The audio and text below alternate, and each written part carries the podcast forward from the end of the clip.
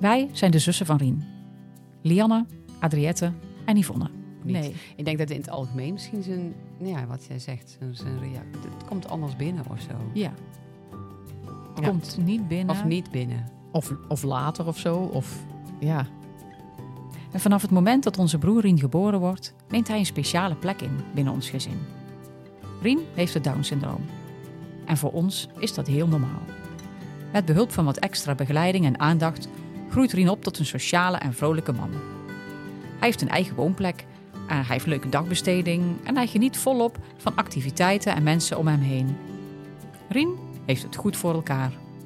En wij zijn drie zussen, wij zijn beren trots op hem. Maar dan ontstaan er zorgen om Rien. We zien dat hij verandert. En we krijgen er de vinger maar niet op. Wat is er toch met hem aan de hand? Vrolijkheid en enthousiasme maken steeds vaker plaats voor angst, voor onrust, somberheid. En hij trekt zich meer en meer terug in zijn eigen wereld. Na een jarenlange zoektocht vallen de puzzelstukjes op hun plek. Rien heeft Alzheimer. Hij is dan pas begin 40. Dat weet je ook niet, hè? Want dat hij in één keer zo gaat zitten fluisteren in mijn oor. Ja. Het kan best zijn dat er, dat er een paar minuten daarvoor iets is gebeurd of zo, waarbij hem iets in gang gezet had. Ja, Ik weet het niet. ja je, je, je hebt helemaal niet door wat er in zijn hoofd afspeelt. Nee. Er komt een nieuwe fase in Riens leven en dat van ons als gezin. Samen met zijn moeder, ons mam, doen we er alles aan om zijn leven zo fijn mogelijk te maken.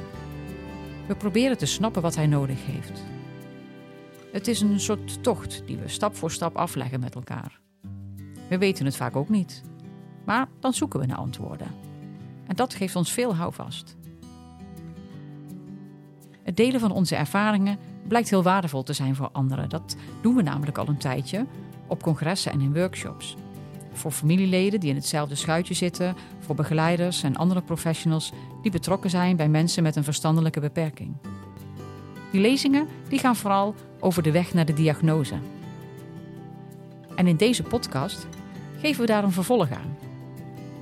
Hoe gaat het nu met Rien? Wat maken we allemaal mee in het proces van achteruitgang? En wat doet dat met ons als zussen? Onze gesprekken zijn best persoonlijk. Je luistert als het ware mee als vlieg op de muur. We, vertellen over bepaalde gebeurtenissen, soms groot en soms klein. En welke impact Alzheimer heeft op Rien en ons als gezin. Dat was echt heel grappig. Dus hij ging echt zo... Ik verstond het helemaal niet. Dus hij iets van kaas of zo. Of weet ik veel. Maar, maar hij moest er ontzettend... Wij moesten er eigenlijk allebei heel erg om lachen. Ja, dus we hadden eigenlijk al zo'n heel grappig. grappig momentje samen. Nou ja, dan reageerde die... eh, Je hoeft ook niet bang te zijn dat het een heel somber verhaal wordt. Dat is nu eenmaal niet hoe wij met dit soort dingen omgaan. Want ons motto, nou eigenlijk komt die van ons mam, is namelijk: het is de kunst om er dan toch iets van te maken. Oh, en in iedere aflevering leggen we ook een vraag voor aan een expert. Dat kan een gedragskundige zijn, of een arts, of een logopedist bijvoorbeeld. Nou, we wensen je gewoon heel veel luisterplezier.